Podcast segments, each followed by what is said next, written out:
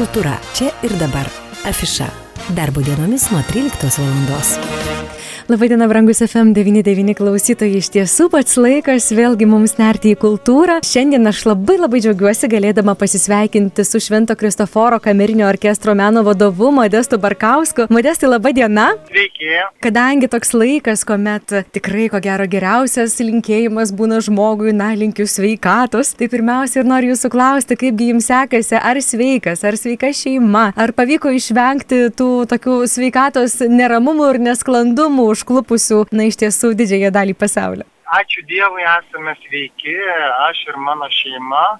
Tai kažkaip pavyko išvengti tų tokių baisių pandemijos padarinių ir labai saugomės žinoma ir, ir vat, tikiuosi, kad pavyks iš, išbūti iki vasaros, o vasara vis tiek atviras, atvira erdvė, gamta ir, ir galbūt pavyks visą tą periodą užbaigti, jau norit užbaigti. Na, aš įsivaizduoju, kad e, tikrai visiems, o ypatingai tiems žmonėms, kurie dabar neturi galimybės e, taip realiai, kaip esame įpratę, dirbti, skleisti savo žinias, tobulėti, mokytis, o, na, nepaslaptis, ypatingai muzikantams, e, menos ir tie žmonėms, tos ilgos pertraukos yra labai skausmingas laikas. Tai modestai, kaip jums, kaip ne vieno orkestro ir dirigentui ir pedagogui, sekasi šiomis sąlygomis gyventi, tobulėti, ar daugiau laisvesnio laiko turite, ar vis dėlto atvirkščiai? Kaip tik tas e, internetinis metas įtraukia stipriau ir daugiau to darbo tenka? Manau, kad to darbo tenka daugiau, bet žinoma, jis yra visai kitoks. Tai mes dar susidurėm su tom problemom, kad tai, kas neįvyko, e,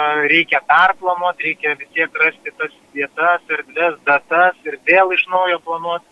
Tai to daugiau yra administracinio be abejo darbo, yra derinimo tiek repeticijų, tiek, tiek numatymo su solistais ir, ir viso to repertuaro. Tai šitoj vietoj darbo tikrai nesumažėjo. Na, o tas gyvas kontaktas, tai tikrai labai jaučiasi, kuomet didėjai kolektyvai daro pauzes, priverstinės pauzes, nes, nu kaip bebūtų, bet tu internetu nesurepetuosi ir, ir, ir neišgausi nei tos kokybės, nei galutinio rezultato tinkamo tai mes tą labai jaučiam ir dėl to išgyvenam, nes nu, muzikai vis tiek dažnai yra e, lygiuojami kartu su sportininkais. Jeigu tu negali išbėgti į lauką arba negali turėti salės treniruotis, tai tu ir tų rezultatų nepasieksi. Tai muzikai lygiai taip pat. Užsiminėti na, namuose dėja sąlygą turi ne visi. A, ir vėlgi mes esame orkestrai, mums reikia klausytis vieni kitų, girdėti vieni kitus vėlgi interneto pagalba dėja nėra įmanoma tokie dalykai. Mhm. Tai žinot, tas jaučiasi ir, ir mes turėjom koncertą skirtą kovo 11. Tai mes buvom susirinkę po trijų mėnesių nesimatymo gyvai, tai reikėjo daug repetuoti ir tiesiog iš pradžių vėl susiklausimo, susi, susiderinimo, susiklausimo, to labai reikia. Tai yra toks laikotarpis. Tai kovo 11 buvo šventiška ne tik visai Lietuvai, bet ko gero ir pačiam orkestrui po tokio ilgo laiko susieiti, susirinkti vėl visiems, vėl išgirsti tą muziką, tą pulsavimą kartu. Tai galima būtų pavadinti šventę modestai ar ne? Žinoma, pasilgė ir vieni kitų, ir, ir bendravimo, ir ir tos pačios muzikos muzikavimo, tas kolektyvinis muzikavimas, žinokit, yra nu, kažkas tai nenupasakojama, tai ne, ne tas pats, kad, žinot, per televiziją ar internetu, foksant į ekraną, bandyti pajusti. Tai tikrai ta emocija, ta vibracija tarp žmonių ir iš žmonių perdavimas tikrai yra kažkas tai stebuklingo. Mm. To labai ilgimės tikrai. Šiandien labai norėčiau pamėginti tokį radio portretą jūsų nutapyti, jeigu galima būtų taip įsireikšti. Ir jeigu galėčiau jūsų klausti, štai jūs kalbate apie muziką, apie, apie kolektyvą, o jum pačiam, na, tas muzikos kelias, kiek jums buvo metų, kai jūs jau taip nusprendėte, kad, ar gal nenusprendėte, gal taip savaime gyvenime susidėliojo, kad jūs pradėjote eiti tuo muzikiniu keliu? Žinot, kažkaip labai natūraliai, net tokia paslaptis, kad aš muzikos mokyklos nelankiau ir mano muziko kelias prasidėjo labai vėlai, 15-16 metų. Mhm. Aš stojau į konservatoriją, ten išmokęs kelias pieses paskambinti pieninu, pa, padainuoti ir stojau į choro dirigavimą, kur nevelnio nesupratau, kas tai yra. Ir, ir viskas nusikėlė, nusikėlė. Mano žinios, aš atėjau kaip baltas lapas. Tai mano kursiokai, kurie mokėsi atėję iš gimnazijų, iš muzikos mokyklų, žinot, jau turėjo nemažą patirtį, jau keliolikos metų turbūt, jeigu skaičiuojant nuo, nuo, nuo šešių. Tai man buvo labai viskas malsu, viskas įdomu ir viskas nauja. Tai aš kažkaip tais po truputį ir ėmiausi vytis juos. Mhm. Tai daugelį vėjausi ir, ir turbūt ir pralenkiau, kad jiems jau pabodo muzika, o man vis dar buvo įdomu, jau ir aukštoji mokykla, o man vis dar įdomu. Tai po to natūraliai iš po choro dirigavimo tęsė studijas simfoniniam dirigavime. Na ir tiesiog ir dabar. Mm. Darbas orkestrus tiek yra tos neuniversitetinės studijos. Reikia mokytis ne tik diriguoti, bet jau ir, ir valdyti kolektyvą tiek repertuare, tiek, tiek bendražmogiškame bendravime. Na, jūsų klausydama, žinokit, tikrai labai nustebau, nes keliolikos metų būnant pradėti muzikos mokslus, tai yra labai nere, ne, nelengvas iššūkis. Ir stoti, studijuoti į konservatoriją, vėliau į akademiją su netokiamis tvirtomis žiniomis, kaip, na, įprasta yra, sakyčiau, yra labai labai didelis iššūkis jaunam žmogui ir galėtų būti geras pavyzdys ir šiuo metu klausantiems jauniems žmonėms, kurie galbūt blaškosi tarp to, ko, ką norėtų gyvenime veikti ir, ir kas galbūt derėtų gyvenime veikti, renkantis specialybę, ypatingai tuo pandeminiu laikotarpiu. Na, tų nerimų yra labai daug, tai jūs esate to pavyzdys, kad kai nori kažko pasiekti, tai tikrai viskas įmanoma, ar ne? Pasirodo, tai Kokie buvo jums didžiausi iššūkiai? Na, aš tai galiu įsivaizduoti, nes ir pačiai man teko nesu dideliais tokiais pasiruošimais, taip gyvenimas irgi susidėlioja stoti į muzikos akademiją, tai tikrai iššūkis labai didelis. Jums pačiam, kokie buvo didžiausi iššūkiai? Reikėjo tikrai gilinti savo žinias, nes visą laiką tą jutau, kad man jų trūksta, kad jų reikia, tai reikėjo save visą laiką motivuoti ir žinoti, ko siekiu. Tai šiam etape man labai padėjo mano mokytojai, kuriuo aš turėjau keletą geriausių ir mylimiausių Lietuvoje, tai aš jiems esu be galo dėkingas, tai pradėjau savo muziko kelią akademijai su maestro Jonu Alekse vėliau tiesiau dabar taip pat su profesoriu Dainiu Puišiu choro katedroje ir savo studijas baigiau su maestro Juozu Domarku. Asmenybės, kurių dėka tikrai esu tai, kuo esu dabar.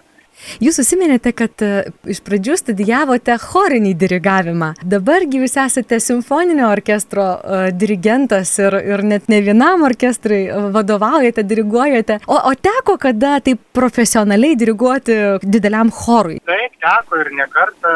Ir, ir Kauno valstybiniam chorui, ir Šiaulių valstybiniam, ir Vilniaus chorui, ir jaunai muzikai. Beveik turbūt visiems choram egzistuojantiems Lietuvoje mhm. profesionaliems. Ir vis dėlto jūsų širdis labiau linksta prie chorinės e, muzikos ir dirigavimo ar orkestrinio skambesio? Žinot, prie orkestrinio aš taip sąmoningai turbūt tiesiau savo studijas ir, ir savo tą pasiruošimą. Man turbūt pritrūko spalvų, pritrūko išraiškos, nes pradėjau turbūt ir, ir domėtis ir operą. Tai žanras kuris vis tiek e, reikalauja ne tik choro pažinimo, bet ir, ir, ir ir vokalinio šiek tiek pasiruošimo tokio žinojimo, kaip tai turėtų būti. Tai manau, kad tas žanras yra tikrai spalvingesnis, simfoninė muzika. Be abejo, mėgstu operą, bet taip pat labai mėgstu ir, ir simfoninę muziką, kuomet yra tikrai didelis orkestras ir pilna, pilna orkestro sudėtis. Tai repertuaras yra tikrai didžiulis. Jeigu pavyktų kada nors bent, bent dalelę po, po kelis kūrinius atlikti, tai būčiau laimingiausias žmogus. O modestai, kokie kūriniai yra tie kūriniai, kurie jums, na, kelia tokius didelius iššūkius ir, ir kurių, na, tikrai yra, žinot, kaip sako, siekia savo žvaigždė žmogus. Ar turite tokių kūrinių, kur dar gal ne, bet būtinai gyvenime, būtinai su orkestru reikės atlikti, sukurti, padaryti? Oi, žinok, žinokit, labai daug yra tai labai žaviuosi anglų kompozitoriais, Elgaras, Britenas, Boltonas, tai tiesiog labai myliu šitą, šitą muziką. Labai žaviuosi prancūzais, Debussy Rabelis, norėčiau stambiuosius kūrinius atlikti. Dėdinu Bachą, kada nors svajoju Bacho hamolinės mišes atlikti. Oi, tikrai labai daug repertuaro, kuris nu, turėtų tą gyvenimiškąją brandą sukaups norint jį atlikti ir, ir, ir dar prieš tai taip gerokai gerokai išstudijuoti muzikinę tą literatūrą. Tai, tai tikrai reikia laiko tam turbūt. Jūs dirbate ir su ypatingai aukšto meistriškumo muzikantais, grojančiais orkestruose, ir su jaunaisiais muzikais, kurie dar tik mokosi, dar tik eina, aš kalbu, kalbu apie Balio dvariono muzikos mokyklos jaunimą. Sakykit, kokį jūs matot jaunimą dabar, besimokantį muzikos? Ar keičiasi tie jauni žmonės, jų požiūris į muziką, jų poreikiai, na tie lūkesčiai ir siekiai, na sakykime, jeigu palygintumėte, e, kai jūs mokėtės ir dabar jaunimas, kaip jie į muziką eina, kokiu keliu? Aš manau, dabar yra tikrai daugiau galimybių, daugiau pasirinkimo, visko tikrai yra daugiau, tai galbūt net yra ir tuo pačiu sunkiau, nes tu turi žinoti, ką būtent pasirinkti e, iš, iš tos visos e, krūvos. Aš turiu minti tiek, tiek e, galimybės studijuoti specialybės tiek pačią literatūrą norint studijuoti, tiek norint išvažiuoti kažkur galų galę studijuoti, meistriškumo kursai, studijos užsienio universitetuose. Tikrai yra, yra begalė galimybių.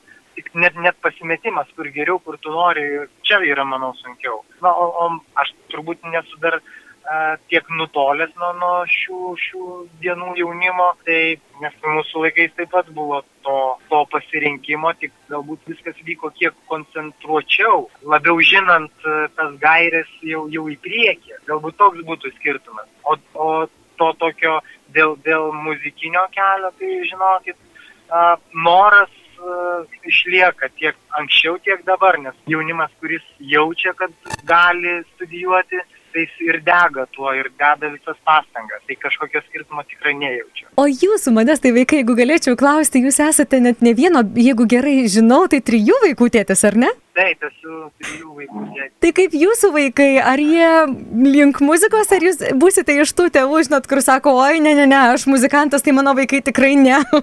Kažkaip mano tėveliai nevertė muzikos ir, ir to nebuvo, kad kažkur būtinai aš mielai savo vaikus leisčiau būtent susipažinti su muzika, kad jie susidurtų ir sukauptų tą bazę muzikinę, pradinį. O paskui jau bus jų pasirinkimas, ar jie nori tęsti profesionaliu keliu, ar jie nori visai rinkti skirtingą specialybę. Tai tikrai bus labai demokratiškai atsižvelgta ir leista. O kaip Jūs matote, ar yra tokių žmonių, tokių vaikų, kurie negali būti muzikoje, negali muzikuoti, kurie neturi klausos ir ne, ne, tikrai muzika, tai jokių būdų ne? Sunku pasakyti, aš manau, kad pabandyti tikrai verta visiems. Nes žinot, būna, kad ir, ir vaikai užsidarė, jie atsiskleidžia gerokai vėliau. E, tiek techninė prasme, tiek savo vidinių girdėjimų, susiklausimo. Tai aš manau, kad startuoti tikrai gali bet kas. Ir tai kaip tik yra labai naudinga ir sveika, nes vaikai pabuvę muzikoje, jie jaučiu yra gerokai kitokie. Jie yra geresni, jie yra jautresni. Šito labai trūksta dabar. Muzika, jos prasme ir tas muzikuojantis žmogus, kuris muziką skleidžia. Na, toks gal daugiau filosofinis klausimas, bet kaip Jūs matote muziką ir, ir tą viso to prasme žmogaus gyvenime? Na, muzika tai yra emocija. Tai mums geros muzikos, geros emocijos visada trūksta ir jos reikia. Tai yra daina, daina be žodžių, jeigu, jeigu mes klausom instrumentinės kažkokios muzikos. Tai ji papildo mus, ji mus nuramina, nes net ir, ir tyrimais, medicinos tyrimais yra nustatyta, kad muzika gydo. Tai noris, kad ji gydytų tikrai visus ir gydytų per ausis į širdį. Tai toks palinkėjimas būtų mano visiems. Kuo daugiau prisiliesti, ne, ne, nereikia būti profesionalu, bet užtenka paragauti. Ir tu gali būti puikus klausytojas koncertų salių, operos teatro. Ir, ir būtent suprasti, kas tai yra. Tai mhm. liečia ir tai atsipalaiduoja ir tai, tai teikia geras emocijas. Tai manau, tokia yra prasme ir misija tiek muzikų, tiek, tiek klausytojų. Na štai mes ir radijo eteryje nekartą esam diskutavę apie muziką ir apskritai apie tai, kiek dabar yra to momento, kai žmogus klauso muzikos, kiek yra momento, kai muzika yra tiesiog, na, vartojama kaip fonas, kaip, na, nepatiko 10 sekundžių prasukau, įsijungiau kitą, nepatiko, prasukau ir kiek yra to, kad tu klausai, kad tu įsigilini, kad tu pajauti tą muziką. Tai jeigu jūsų kaip profesionalaus muzikanto klausčiau, kaip manote, kiek yra svarbu muziką girdėti ir ją klausyti, į ją leistis ir kiek yra, na, nenusikalstama veikla muzikinė prasme, na, tiesiog, kad groja kažkur fonė ir, ir, ir tiesiog, na, tokia kaip, kaip pašalinis priedas prie gyvenimo muzika. Na, nematau nieko blogo ir to, žinot, kaip fono, kartais irgi to norisi tiek reikia nusiteikti tam, kad išgirsti ją, nu, reikia vidinio nusiteikimo, reikia ramybės. Tai tu ateni į koncertą, tai tu šiek tiek ir nusiteiki. Tavai pareigoja turbūt erdvė, pasitempimas, šalia klausytojai, koncertų salė, apranga galų gale. Tai žinot, reikia tam šiek tiek įtempti savo ausų būgnelius. Tokiu būdu tu gali pajusti, tu gali pajusti daugiau turbūt nei nei fone skambančios muzikos, kuri galbūt tau netrukdo ir, ir neverčia ir nepriverčia suprasti. Pliusų galima rasti ir, ir čia ir čia. Bet tas e, laikas, kuomet tu atini į koncertą, kaip ir jūs užsiminėte, jau pasiruošęs ir tu klausai tą muziką, tai aš labai linkėčiau visiems pajusti tą jausmą, kai atrodo, kad muzika sklinda tiesiog į visas lastelės kūno patenka, nes tą jausmą tikrai galima pajusti, jeigu tik ateini pasiruošęs muzikai. Tai yra iš tiesų nuostabus dalykas. Modestai, aš dar jūsų noriu klausti tokių kelių mm, greitų klausimų, kurie bus gal mažiau susiję su muzika, bet labai įdomus apie jūs kaip apie žmogų, ar galiu? Taip, prašau. Mhm. Na tai greitieji klausimai tokie. Modesto mėgstamiausia veikla laisvalaikiu. Gamta, vaikščiojimas, žvejyba, skaitimas, pati. Mhm. O mėgstamiausias patiekalas? Salotos. Kava arba... Ruša, mėgstu ir kavą, ir arbatą. Kavą rečiau, arbatą kiekvieną rytą. Modestas Barkauskas, 65 metų amžiaus. Koks jis ir ką veikia gyvenime? Jaunatviškas ir važinėjantis paspirtuku. O! Ir vis dar bendraujantis su, su jaunimu ir su vaikais. Mes radijo eterė turim tokį tradicinį klausimą, kurį užduodame radio svečiams, tai aš prašysiu ir jūsų pabaigti sakinį man patinka. Man patinka gyventi, man patinka. Ar modestas laimingas žmogus? Labai.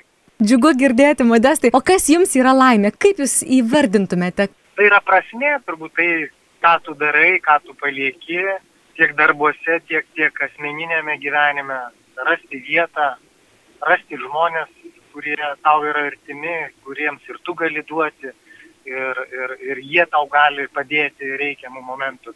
Bendrystė, tokie dalykai tai tikrai ir vienyje, ir, ir, ir daro žmonės laimingus ir prasmingus jų gyvenimus. Na, aš jums esu labai labai dėkinga, Modestai, šiandien už tokias gražias ir prasmingas, gilias mintis, tokias nepaviršim bėgančias, o giliau nerinčias. Dėkodama šiandien už pokalbį, palinkėsiu kuo greičiau galimybę susitikti su kolektyvu, tiesioginė to žodžio prasme dirbti, muzikuoti ir, ir tą muzikinę dovaną dovanoti klausytojams. O galbūt jūs jau ir žinote, kada nusimato koks artimiausia, artimiausia galimybė Švento Kristoforo orkestro, pavyzdžiui, pasiklausyti.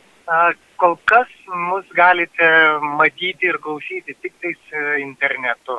Mhm. Ketvirtadieniais berots, ar ne? O, jo, mes turim tokią rubriką ketvirtadieniai su Šventu Kristoforu. Tai ten galite rasti mūsų daug koncertų įrašyta iš archyvo, kurie nauji kūriniai yra įdėdami. Tai tikrai galite ten mus sekti, rasti ir, ir mėgautis šitą atliekamą skirtingą muziką. Kalbėjome su Švento Kristoforo kamerinio orkestro meno vadovu Modestu Varkausku. Kultūra čia ir dabar. Afiša.